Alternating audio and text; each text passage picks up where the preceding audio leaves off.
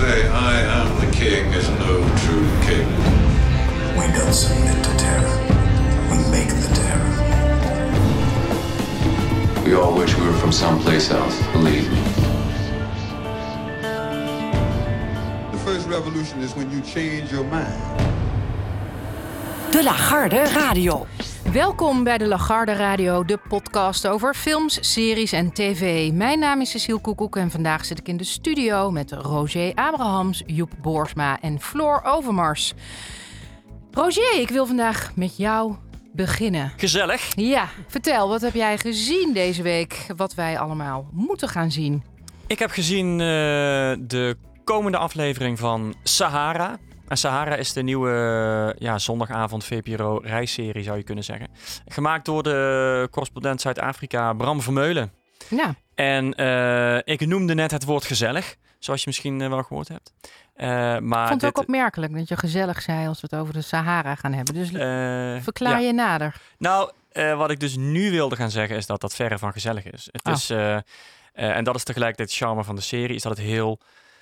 Ja, het is heel rauw en avontuurlijk wat je te zien krijgt. Ik denk, eh, ja, Bram Vermeulen is voor mij ehm, een, een, eh, een bewonderenswaardige avonturier die eh, altijd al heeft willen reizen en dingen zegt als als er wielen onder mij draaien, voel ik me altijd een stuk gelukkiger. En in hem heeft het reizen altijd gezeten. Hij heeft iets met Zuid-Afrika. Hij is zo nog vijf jaar correspondent in Turkije geweest. Voor de NOS onder andere.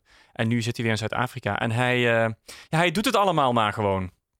En dit is een, eh, een serie waarin hij eh, langs de grenzen van de Sahara eh, loopt. Dus je hebt Noord-Afrika, dan die enorme woestijn. En daaronder Sub-Sahara-Afrika, eh, Zwart Afrika.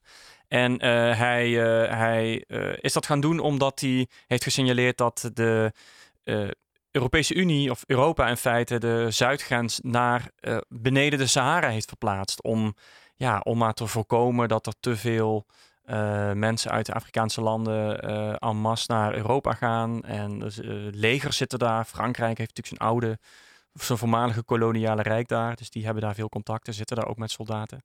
Nou, dat wilde hij in beeld brengen. De aflevering die ik gezien heb, die ging, gaat over eh, Timbuktu. En ehm, nou ja, dat is de legendarische, mysterieuze stad die je ook kunt gebruiken in zinnen waarmee je wil aangeven dat iets heel ver weg is. Ja. Dan zeg je, ik ga naar Timbuktu. Of het was in En wat treft hij aan in Timbuktu? Was je Waar, verrast? even, want waar, waar ligt het precies, Timbuktu? Het ligt in Mali. Het ligt in het noorden van Mali. Oh, oké. Het zuiden van... Ik weet heel En weinig. het Midden in noorden het van land Mali- is het dus. Wat zeg je? Mali ligt vrij centraal, toch? In, eh, Eh, in de je- Sahara.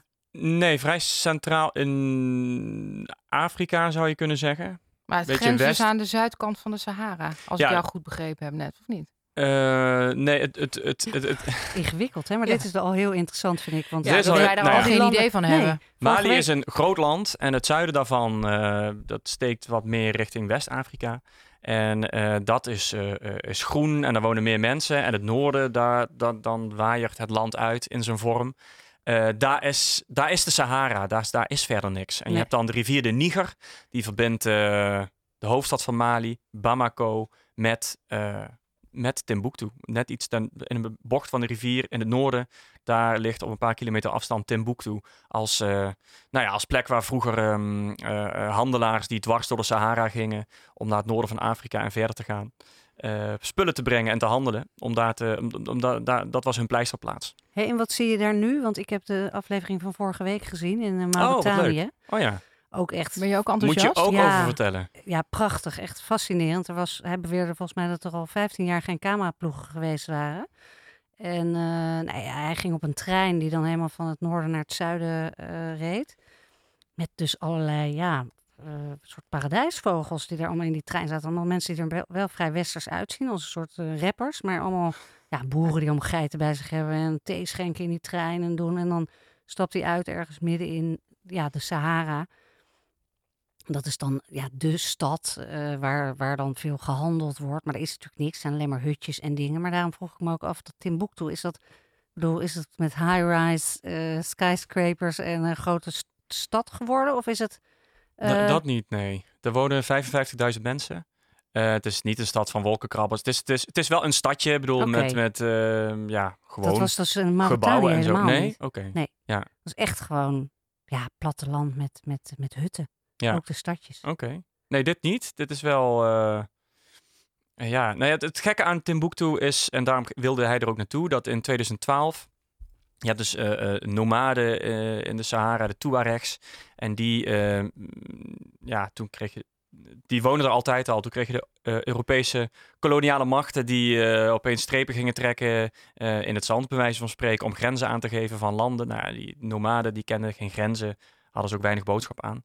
Maar die hebben zich in 2012 op een gegeven moment eh, verenigd met eh, eh, jihadisten, jihadistische strijders, Al-Qaeda. En die hebben Timbuktu ingenomen.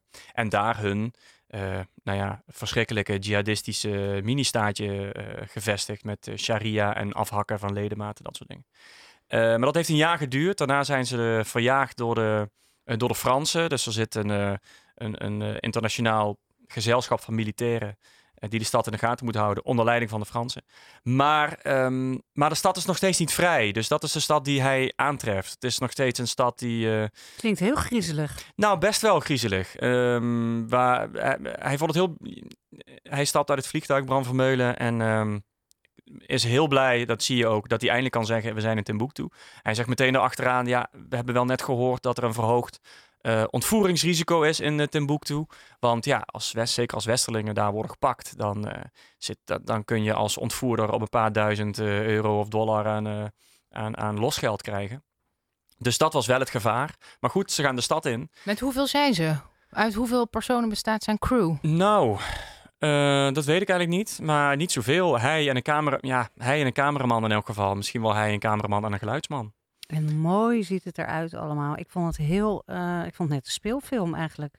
Hoe Ja, want dat, eh, hoe Nou, dat vond ik ook. Ja, heel mooie beelden. En hij, ehm, Ja, want hij stapt uit, hij is blij dat hij er is. En dan, wat, wat doet hij? Loopt hij rond, praat hij met locals? Hij ontmoet, Wat- ja, hij ontmoet heel veel mensen. Dus, en dat, eh, en de, ja, de, de, de, de, de ketting van die ontmoetingen die maakt dan de uitzending. Hij heeft dan in de hoofdstad eh, Bamako van Mali een, eh, de nachtegaal van Timbuktu ontmoet. Dat is een zangeres die is gevlucht uit Timbuktu. Omdat eh, ja, onder de jihadisten was muziek eh, verboden. Mocht niet, werd je tong afgesneden als je daaraan deed. Of als je gitarist was, je hand afgehakt. Nou, zij woont daar nog steeds, maar ze kan nog steeds niet terug. Want de vraag is dus, ja, eh, de jihadisten kwamen aan de macht ook dankzij de lokale bevolking. Dus hoeveel aanhangers van die jihadisten zitten daar nog steeds in die stad? Hoe veilig is het? Dus het is een soort vreemde schijnveiligheid waar eh, Vermeulen zich dus ook door beweegt. Nou hij gaat- op bezoek bij de, de broer van die eh, zangeres. Hij ontmoet drie jonge vrouwen die naar de kapper gaan. Hij, de enige... eh, de uitbater van het, e- de enige bar in de, in de stad, die ontmoet hij. Dat is een, eh, eh, ja, een, een dubbelbloed, half, half wit, half lokaal, Timbuktaans, die bijna werd opgepakt. Die werd opgepakt door de jihadisten destijds, maar toen werd hij bij de leider van Al-Qaeda gevoerd. En die, toen kwamen ze erachter dat hun moeders van dezelfde stam waren. Nou, toen werd hij vrijgelaten. En toen heeft hij de stad verlaten. Maar hij is weer terug. Dus het leven is weer terug. Er is weer iets van alcohol. Eh, en er wordt wel af en toe gefeest. Maar het is een heel broze zekerheid. En het eindigt dan ook heel, toepasselijk eigenlijk. Als Vermeulen dan weer weggaat, dan hoor je, dan vertelt hij in het, eh, in het commentaar eh, tijdens de titels dat vier dagen na het vertrek van die cameraploeg op het vliegveld van waar ze zijn vertrokken, eh, ja, urenlange vuurgevechten met eh, radicale islamisten hebben plaatsgevonden. Er zijn vier eh, bomauto's eh, geplaatst voor het vliegveld, die zijn ontploft. Dus het is, ja, het is, eh, het is een zeer onzeker bestaan eh, in Timbuktu, hoe schilderachtig die plaats ook is. Ik ga zeker kijken. En de komende zondagen is Sahara te zien op NPO 2 om kwart over acht. Floor, ik wil heel graag weten wat jij ons te vertellen hebt. Mhm. Nou, ik eh, heb een eh, documentaire gezien. Die is, geloof vanaf januari te zien in de, in de bioscopen. Of nee, op National Geographic wordt die uitgezonden volgens mij. Ja, in februari. Ja, ik weet toevallig. Ja, Over welke. Gaat het over Free Solo? ja het gaat over Free Ja, die Solo. draait in januari in de bioscoop. In februari is die op televisie, dacht ik. Maar hij heeft de afgelopen twee weken op ITVA gedraaid. Ja. Nou, exact. En dit, eh, ja, dit is een film eh, die, die, die voor mij persoonlijk... Ik, ik- het is heel gek, maar ik ben zelf best wel bang aangelegd in eh aller, allerhande zaken. Ik ben helemaal niet avontuurlijk. Maar ik kijk heel graag naar eh, documentaires over mensen die dus eh, bergen beklimmen... of eh, heel diep duiken zonder flessen. Of naar het boek toe gaan. Of naar Timbuktu toe Ja. gaan. Of eh, ik heb ook een, ooit een documentaire gezien over een man. Die film heette Solo. Die, die, dat was een Australische avonturier. En die ging in zijn eentje in een kajak. Van de, stak hij de Tasmaanse zee over van Tasmanië naar Nieuw-Zeeland. Nou, dit zijn ook allemaal films. Ik heb een film gezien over een, een, een skier, freestyle skier en base jumper. eh, die heet M- McCo- Mc- McConkey. Het zijn allemaal films eh, waar je vooraf niet weet eigenlijk of je gaat kijken naar iemand die zichzelf dood eh, springt of, of bent toch ook dol of- op de boeken over eh, van bergbeklimmers, zoals Bart Vos Ja. bijvoorbeeld. Ja, Net ik vind het echt fascinerend. Ik ook. En ik vind die films ook, even los van wat, dat ik het heel fascinerend vind... van wat er nou toch omgaat in die mensen die dit doen. Nou, Free Solo, dat is dus... Deze documentaire gaat over de... eh, ja, het is een rock climber, hè, noemt hij zichzelf. Ik zeg steeds be- bergbeklimmer, maar dat is toch iets anders. Ja. Maar hij beklimt ook bergen eh, in Alaska en zo. Dus het is ook een mountaineer, zoals het dan heet. Maar hij is eigenlijk een rock climber. En dan het liefst dus eentje die geen touwen gebruikt. Oh, zo iemand. Vandaar dan Ja. free solo. Hij doet je het dus kan- helemaal Oh, alleen. Dat is free solo. Ja. en, Vrij klimmen. Ja, en hij kan natuurlijk ook met touwen en zo voor. Aan een rots, aan stenen. Ja, en een rots, daarmee bedoelen we eigenlijk gewoon een wand. Hè? Want het zijn geen, eh, ja, het zijn geen, er zijn natuurlijk geen paden of iets. Het is, het is eigenlijk bijna gewoon een, een, eh, een wand die die man opklimt. Hij is 33, hij is Amerikaans en hij heeft in Free Solo, heeft hij, eh, nou, ja, volgen de filmmakers hem in zijn eh, ambitie om de El Capitan te beklimmen. Dat is een, eh, nou, the most impressive wall of the world, noemt hij het zelf. En Yosemite Park Ja, in de Verenigde Yosemite Staten. Park. Cecile heeft hem ook gezien. Ik heb hem er al gezien. een beetje Ja, ik heb, en ik heb de, de eh, wand ook echt gezien. Ik ben er een paar jaar geleden geweest. Ja, kilometer hoog, Ja. las ik. Eh, prachtig gebied natuurlijk, helemaal met bomen en een, een grote granieten. Ja, het, het is een beetje een, ja, het is een beetje een lompe rots eigenlijk. En hij wil dus dat ding gaan eh, beklimmen. Dit is ook nog nooit eerder gedaan zonder touw. En ehm, nou, hij heeft dat in zijn hoofd gezet. En die filmmaker, die, die, dat is Jimmy Chin heet die man. En die werkt al tien jaar met hem samen. Die filmt hem wel vaker en die, die klimt ook zelf. En zij hebben dus het plan opgevat om dat te gaan doen. En wij in deze documentaire, ik heb volgens mij een ruwe versie gezien van een uur en veertig minuten. Ik weet niet hoe lang die Ja, uiteindelijk... hij duurt in het echt ook zo lang. Ja, nou, Ja. je verveelt je geen seconde en je denkt dus alleen maar, ja, wat is hier leuk aan en wat is hier, het is prachtig mooie natuur, maar het is zoiets griezeligs. Je kan het gewoon niet bevatten. En deze eh, Alex, dat vond ik dus heel boeiend, die zegt op een gegeven moment, ja, hij heeft een beetje rare jeugd gehad. Zijn vader is vrij vroeg overleden. Eh, hij was zelf erg verlegen. Vandaar ook dat hij zo'n zo'n eenzame sport eigenlijk koos. Waarbij hij lekker eh, op zichzelf kon zijn en met niemand hoefde te overleggen of te praten. Hij zegt, ja, ik heb eigenlijk een minderwaardigheidscomplex. Ik vind, ik vind mezelf eigenlijk nooit goed genoeg. En met deze sport, en zo had ik het dus nog nooit bekeken. ehm, als ik dit goed wil doen, namelijk voor 100% dan, dan ben ik geslaagd. Hè? Als, als je hier één klein misstapje maakt of je, hebt, je maakt één inschattingsfout, dan is dat er koop je met de dood. Ja. Zij zegt, dichter bij perfectionisme kan je niet komen als je deze sport beoefent. En dat is dus eigenlijk zijn drive. Hij streeft eigenlijk naar iets wat, wat eigenlijk bovenmenselijk is. Want nou ja, je hebt de beelden gezien. Hij gaat op een gegeven moment, hij beklimt die rots al vele malen daarvoor natuurlijk. Dat zie je ook allemaal. Met dan- touw. En je ziet ook wat er gebeurt als hij even een misstap maakt en hoe Ja. dan naar beneden valt. En Ja. dan dus opgevangen wordt Door dat touw. door dat touw. Ja, en hoor je hem ook echt zo, oh shit, weet je wel. Want dan heeft hij weer, dat heet dan, dat heet dan de boulder, de boulder slide of zo. Je hebt dan twee, hij, al die, die, die, die rots heeft allerlei ingewikkelde momenten. En dat, die hebben allemaal een naam, allemaal prachtige namen als Teflon Wall en Boulder Step en weet ik veel. En die boulder eh, eh, step, dat is dan een heel moeilijk punt waarbij je op twee manieren kan je dat, kan je dat trotseren. De ene is, je maakt een sprongetje, nou, moet je nagaan, hè? het is dus een wand. Ja, het is gewoon recht omhoog, Ja, verticaal hij heeft omhoog. zichzelf vast alleen met een puntje schuin. van zijn wijsvinger Ja. En met ongeveer zijn teennagel. Dus dan hangt hij en dan doet hij ook nog een hand Floor achter zijn rug. overdrijft niet. Hand achter zijn rug in zo'n zakje met eh, Magnesium. magnesium. Nou, en dan pakt hij zich vast. Dan kan je dus twee dingen doen. Dat is of een kleine sprong maken naar een soort richeltje. Nou oh, ja, lekker springen op- aan die wand. ja, Oké. ja. zet je je dus af met je teennagel Zonder en vang je op met je vingernagel. Ja, ja.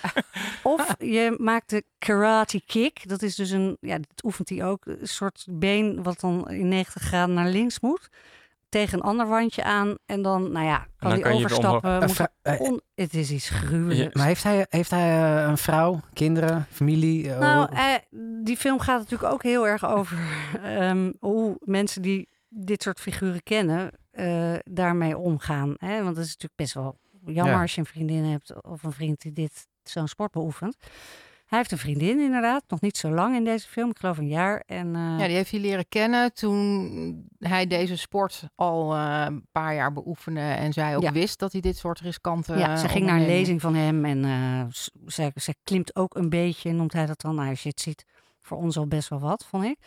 Maar ehm, ja, dus zij moet daar, moet daar natuurlijk mee leren omgaan. Hij moet dat, ja, zij wil dat natuurlijk niet. Zij wil gewoon het liefst eh, eigenlijk dat, dat, dat zij wil ook een huis met hem kopen. Dat doen ze dan op een gegeven moment. Vond ik ook echt Nou, geweldig. daar kan ik dus... Geweldige scène. Kopen ze een huis en zij is alleen maar bezig met de ijskast en met Maar Floor, ze, komen, ze kopen een huis in Las Vegas. Why? Wat moet die man daar? Ja, het bleek Dat- daar. Hij zegt: It's beautiful climbing Nou, out here. ja, Maar het is het soort een uitval-. Ja, ik begreep er helemaal niets van.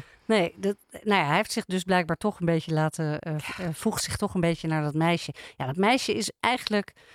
Ik vond het aan de ene kant wel grappig om te zien hoe ze in ieder geval probeert, volgens mij alleen maar omdat er een camera op staat, te doen alsof ze hem eigenlijk eh, in alles vrijlaat. En nou, ik vind het eigenlijk oké en je moet je dromen volgen. En als je dit moet doen, dan kan je iemand niet tegenhouden.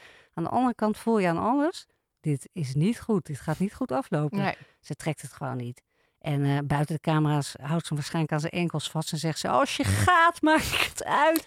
Ik weet niet, ik kreeg een heel ehm, raar gevoel bij dat, eh, bij dat meisje. Maar goed, Hoe is de opbouw van de film eigenlijk? Is het, eh, bouwt het op na die ene klim? Ik bedoel, ja, hij heeft ja. allemaal Je voorbereidingen en mensen voortdurend die... trainingen eh, op die LK. Oké, dus Ja. dat is echt het hoogtepunt van de film ook. Van hoe Dat gaat die gaat klimmen? Gaat het lukken? En die filmmakers die dus allemaal in doodsangst zijn van... Ja, willen we dit eigenlijk filmen? Moeten we dit willen filmen? Die Jimmy is ook heel ambitieus. Ze wil de mooiste film maken die hij ooit heeft gemaakt. Nou, je mag hem natuurlijk niet storen. Ze willen niet op hun geweten hebben dat hij naar beneden stort. Maar hij wil ook een mooie film maken. En dat moet in net onder drie uur. Want zo snel doet die man dit. Die klimt in... in Vier. of net onder de ja, vier uur, ja. ja. Net onder vier uur klimt hij dus omhoog. En daarin moet je dus alle shots maken. Er mogen geen drones in, in, eh, in dat park. Eh, die mannen moeten allemaal kunnen klimmen natuurlijk. Het is levensgevaarlijk voor hun ook. Je moet het onder tijdsdruk. Je moet heel stil zijn. Je mag niks horen. Die eh, Alex moet geluids... eh, want je wil hem wel horen. Maar ja, Dat moet je een microfoontje dragen Ja. of zo. En het is prachtig. Het is zo mooi Maar hij doet een, eh, een eerste poging. En dan is die hele filmcrew uitgerukt. Die, die, die hangt daar in de rots, die wacht daar op hem. Ja, en hij begint 's ochtends vroeg in het donker. En dan is hij net, nou, een half uurtje op gang. En dan zegt hij, ik wil het niet. Ik kan dit niet. Ik kan dit niet met de druk van de camera's. Dus dan wordt die hele Oh, expeditie nee. afgeblazen. Ja. En dan later doet hij het nog een keer. En dan is die filmcrew wat minder uitgebreid uitgerukt en filmen ze op afstand, zodat ze hem Ja. niet afleiden in zijn poging. En dan zie je dus ook die filmcrew, zijn natuurlijk vrienden van hem geworden. Die kunnen dus niet kijken naar wat hij aan het doen is. Want je Nee. ziet dan dus echt een nietig mens aan een gigantisch rotsblok Ja. hangen. Maar Ja, jullie moeten dit toch echt met klamme handjes hebben gekeken, of Ja, niet? Nou ja, ik heb nu al dus klamme de handen als ik... Het is dus de hè? vraag of hij dit overleeft. Want ik wilde steeds gaan googlen tussendoor om te kijken of die man überhaupt nog in leven. Want ik kon het gewoon niet aanzien. Maar ik dacht, nee, ik ga er vol in. Ik ga, ik ga ook door mijn angst heen. Ik ga die film gewoon kijken en ik zie wel wat er gebeurt. Nou, we gaan niet spoileren of die, of die man het dan overleeft of niet. Maar het is echt, heel veel van die films zijn natuurlijk, wat ik net al zei, die kajakker van Solo, die, die, die, die helaas heeft niet gered. Die McConkie heeft niet gere- gered. Dus veel, zijn ook maar heel weinig van dit soort jonge eh, ja, free solisten die nog leven. Bijna iedereen wordt ook in die film. Die is dood, die is dood, die is neergevallen. Die is, die is- tijdens het filmen gaat er nog een vriend van hem of ja, een collega valt dood. Dus het is echt een soort. hey, en zijn vriendin, die, eh ja, die, had klimt uit de ook. film gemogen van mij. Ja, maar, Ja, maar, vond ook totaal niet zo. niet eh, maar nee. zij, klimt, zij klimt ook, maar, Ja. maar, maar ook zo. Of, aan, of gewoon eh klimwand Ladders. Sloterdijk. Nee, nee, niet klimmen Sloterdijk. Ik bedoel, Oh, ja, ik, moet ik voorstellen? ik weet niet of jij klimt, maar ik Nee. klimmen, zij klimt wel gewoon eh, behoorlijk eh, stukken op. op, op uh, Maar natuurlijk nooit free. Ze doet nooit free solo. Dat doet bijna niemand. Nee, Nee, nee, precies. zonder- Nee, maar omdat jij zei dat zij ook klimt. Ik bedoel, in hoe aan een touw of... Nou ja, eh, kijk, je kan niet met zo iemand zijn die de hele dag in een busje, want hij woont ook in een busje eigenlijk, eh, rondrijdt op zoek naar de mooiste klimspots. Kan je natuurlijk niet een vrouw hebben die, eh, weet ik veel, wat manager is bij een bank of zo.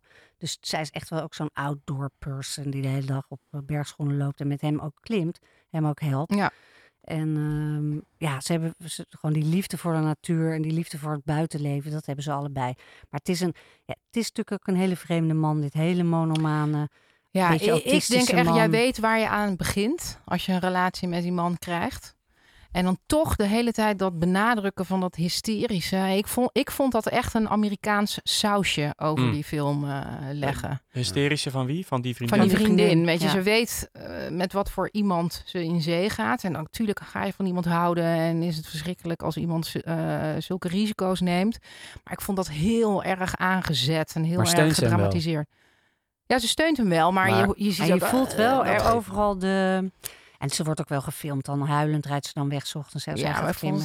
ah. en dan, ja, en wat als ik hem nou nooit meer zie? Ja, ik vond dat ook niet zo. Nee. eh, zo- Wat mij betreft had het echt alleen maar bij die eh Ja. Beklimming klim moeten mogen blijven, blijven. ja. Ja. Maar het is iets, je zit het echt letterlijk met het zweet in je handen Ja. te kijken. En dan hoor je dus van boven die Jimmy, die staat en dan zegt hij... Alsjeblieft, zeg maar, als hij die boulder eh, eh, eh, trap eh, voorbij is. En dan, dan nou ja, blijft het stil. En, oh, ze hebben allemaal walkie-talkies. Ja, ja, ja, ja, hij is er. Nou, en pff, ze is helemaal opgelucht. Jij ook als kijker. Je denkt, jeetje, Ja, het is Mina. Ongelooflijk. En dan denk je, de- denk je, nou, dan zijn we er zo'n beetje. En dan moet hij door een spleet. Nou, Ja, die spleet. Het is een soort meterslange spleet. Die is ongeveer, eh, weet ik veel, 40 centimeter eh, breed. Daar moet tussen. ja, dan zie je zijn handen de hele tijd zo. En je hoort die... Hij wringt zichzelf als een soort slangenmens. Wringt hij zich door zo'n spleet. Nou ja, daar wordt dan niet eens meer eigenlijk moeilijk over gedaan volgens mij. Hij denkt, nou, ik ben er al Nee, ik ben- bijna. ja, ja, ja. Free Solo dus, vanaf januari in die bioscoop. En ik zou echt gaan. Het is zo spannend. Ja, zeker op groot scherm. Ja, joh. Heel indrukwekkend. Ja. Ja, willen jullie gaan of denken Ja, jullie nou, ik, eh, ik weet niks niet. voor ik, mij? ik zat er helemaal in. Roger, ik ben ook naar First Man gegaan Ja, jou dat klopt. aanraden. Dat Ja. was ook heel spannend en ook eh, met piepen en kraken en alles. Dus ik eh, Ja. vind dat ik nu wel mag eisen dat jij ook naar Free Solo gaat. Ja, doen we. we. Kunnen er nog een keer over praten. Oké. Joep, ga ik naar jou. Ik hoor ook een team uit je aankomen, of niet? Ja, Samen. Klimbandjes Sloterdijk? Ja, sowieso toch? Eerst samen klimmen, dan naar Free Solo. Ik zou denken dat jij een klimmer was, maar dat ben je dus helemaal niet. Zou jij dat heel je er goed iets mee kunnen hebt. trouwens. Ja, Ja, we hebben, nou, om iets op te biechten, hè, toen ik nog op het eh, MBO eh studeerde, hadden we elke, eh, elke maand moest een andere sport beoefenen. Dat was kickboksen, dan voetbal of dan klimmen. En de meeste stemmen na dat jaar, dan gingen we dat de komende twee jaar doen. En dat was klimmen. Oh, dus je hebt wel geklommen. Ja, twee jaar lang elke maand. eh, dus ik heb dat in totaal 24 keer of zo, die klimmand op en neer en weet ik wat allemaal.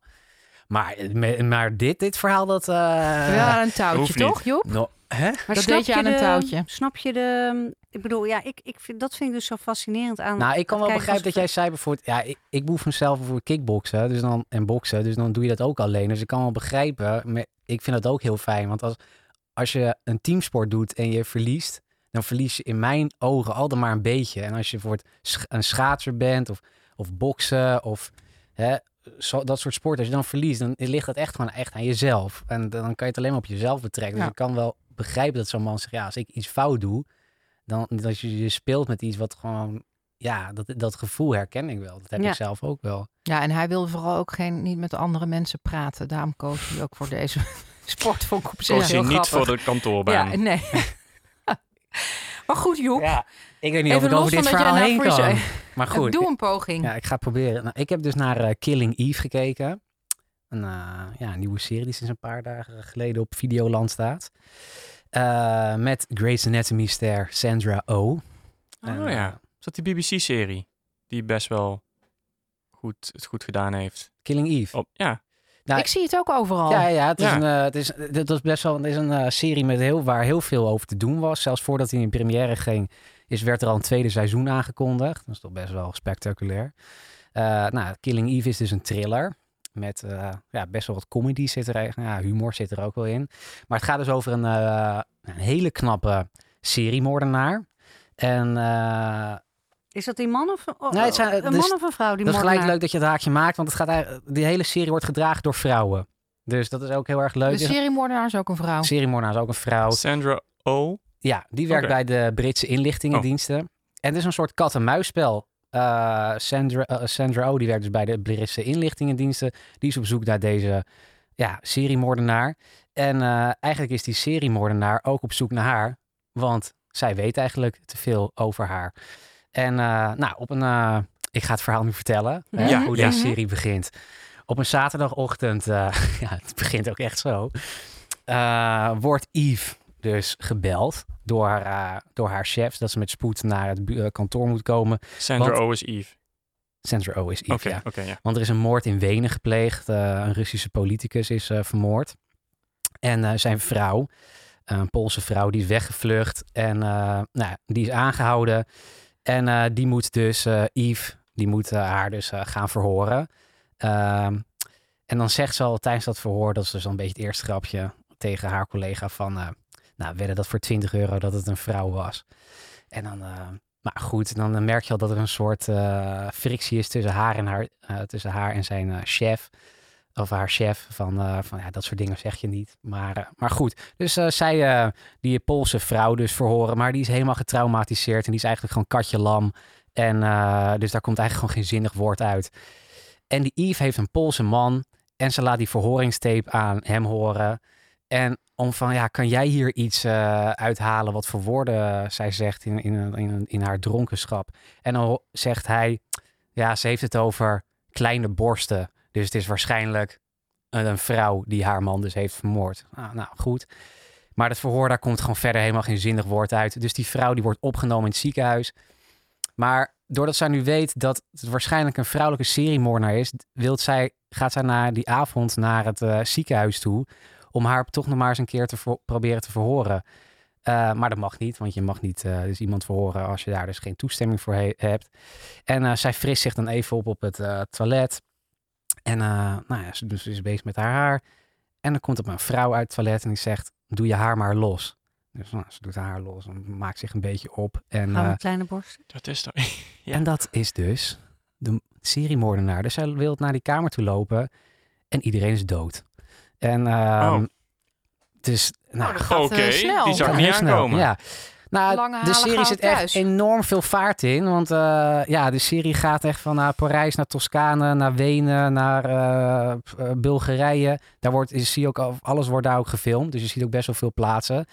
Eh, ja, die- Allemaal op zoek naar dezelfde seriemoordenaar. Ja, of deze is vrouw- elk, elke aflevering een Nee, afzonderlijke nee, nee. Er is dus aflevering? één Oh. vrouw en die krijgt dus vanuit haar opdrachtgever, gevers, dus van deze man moet nu vermoord worden, deze man moet nu vermoord worden, deze vrouw, et cetera.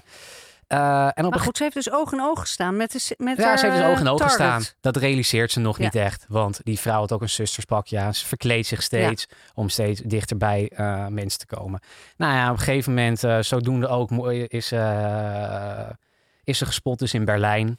Want daar is een eh Chinese, ehm, ook weer een Chinese politicus. Die heeft blijkbaar een hele aparte fetish om gemarteld te worden door iemand in een zusterspakje met allemaal, ja, ziekenhuisapparatuur en met klemmen aan zijn ballen. Oh, en ja. Sexy, ja. Zie je dat ook allemaal? ja, ja, maar niet zijn ballen beklemd en dat soort dingen. Maar wel weer dat hij dus die fetish heeft. En, eh, dus, en door wie wordt hij vermoord? Ja, dus weer door die seriemoordenaar. Mhm. Die is dan helemaal verkleed als zuster. En dan wordt er onderzoek gedaan van... ja, maar wie was die zuster eigenlijk die die man heeft vermoord? En dan heeft die seriemoordenaar dus ingecheckt met de naam Eve Polestri. Dus haar naam. Mm. En ineens van, oh. Dus, Kut, eh, ja. en dan worden de lijntjes dus gelegd van dat ze eigenlijk op zoek zijn naar elkaar. Maar eigenlijk is die seriemoordenaar haar iets te snel af. Want zij loopt eigenlijk steeds één stap voor haar. Hey, en, Want want een beetje ik- denk aan Luther. Zit ook zo'n Oh, dat heb ik niet gezien. Maar goed, het is een, eh, ja, die serie eh, zit echt heel veel vaart in. Het gaat van Parijs, Toscane naar Wenen. Maar En is het het loopt goed? allemaal door elkaar. En het is zeker goed, want het, ja, zo ook de muziek. De muziek in deze serie is ook fantastisch. Dat loopt Waarom? Zijn loopt van alles door elkaar. Weet je, soms heb je. ehm, bekende nummers of speciaal gecomponeerde, gecomponeerde muziek? nee, eh, je hoort van alles. eh, Je hoort echt van alles in eh, de band Cigarettes After Sex, Brigitte Bardot.